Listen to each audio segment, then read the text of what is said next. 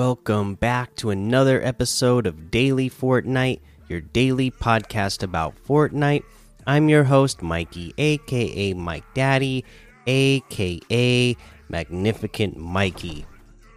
So, we have this little bit of news uh, that happened on New Year's Eve, actually, and uh, this is what happened. So they were aware that Flip Reset lobby track has been removed from players' lockers. We're investigating and we'll update when we have more information. So, the updated information is this owners of the Flip Reset lobby track will be regranted the track with the release of the version 15.20 game update. So, we didn't.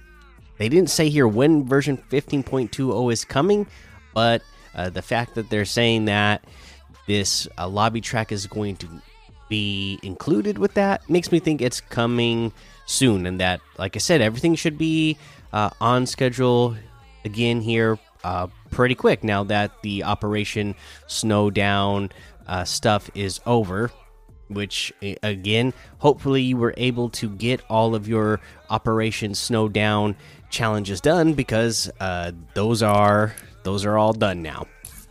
You know, you still have your weekly quests uh, that you have, and you know the whatever the time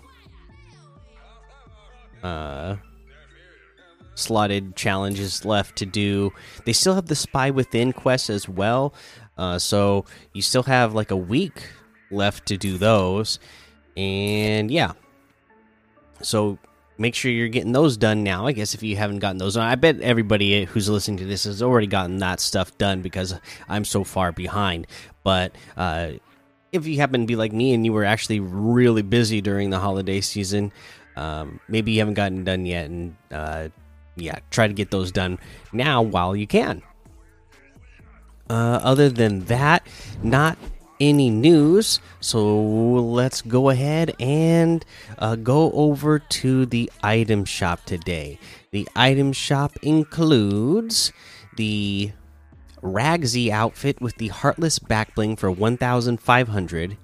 The Volley Girl outfit with the used racket backbling for 1,200. The new or no, this is yeah, this is new. The new bully emote. Get ready to charge. This is 200.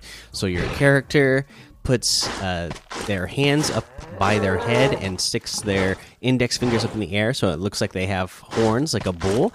And then you, you know, you uh, kick your feet like you're getting ready to charge. So pretty cool emo. Uh, you have the uh, balletic emote for 500 the Electro Shuffle emote for 800, the Sacken emote for 200. We have the Fly Trap outfit with the Fly Trapper backbling for 2000, the Tendril Harvesting Tool for 800, the Venus Flyer Glider for 1200, the Rex outfit with the Scaly backbling for 2000, the Dino Wrap for 300, the Triceratops outfit for 2000. Oh, that comes with the Hatchling back bling, by the way the Triassic Wrap for 300. Um, we have the Relaxed Fit Jonesy outfit with the Beef Pack back bling for 1,200. The Snacks Harvesting Tool for 500. The Christina outfit for 800. The Sizzle outfit for 800. The Boxy outfit for 800. The Boxer outfit for 800 the Box Basher Harvesting Tool for 800, the Pop Dropper Glider for 800, the Crafted Cardboard Wrap for 300, and that looks like everything. So you can get any and all of these items using code Mike Daddy M M M I K E D A D D Y in the item shop, and some of the proceeds will go to help support the show.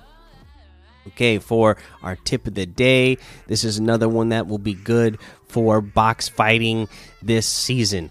And this is um, getting control, again, piece control. Uh, in, in, in box fights uh, when you're going up against your opponent. So here's what you do: is you will be standing next to uh, the corner of somebody's box if you look just below their floor on on the bottom of their box uh, you you can place a cone. All right, so you'll see that the cone, if you look just to the uh, side on your side of the box, you'll see that the cone will be there. That you could build the cone like right under your feet, right? Well, if you're looking just underneath the floor, uh, their floor inside their box, you put your cursor back over to that side, you're going to be able to place the cone inside their box. And this is a pretty good move. Again, because you'll have that piece control, and uh, most of the time, people are not going to be expecting this. So, what you're going to do is look just below their floor, get that cone built inside, try to break the wall, take over. You own that piece inside, and because they're standing right there, there's a couple things that could happen, right? So they if they're standing all the way back in the corner, that cone is going to build. Okay? And then so you have an option of just making some quick edits to your cone inside there uh, to give yourself a better a better shot or just running straight in there on top of the cone. And hopefully just the fact that there's a cone inside there has distracted them enough that they're not able to respond quick enough. And then the other thing that might happen is if they're standing in the middle because they're standing in the middle when you place that cone they'll be phased right through that cone right? And that's going to cause a lot of distraction um, and so you might be able to just boom run straight ahead and be uh, eye to eye level with them and take a take some easy shots right there.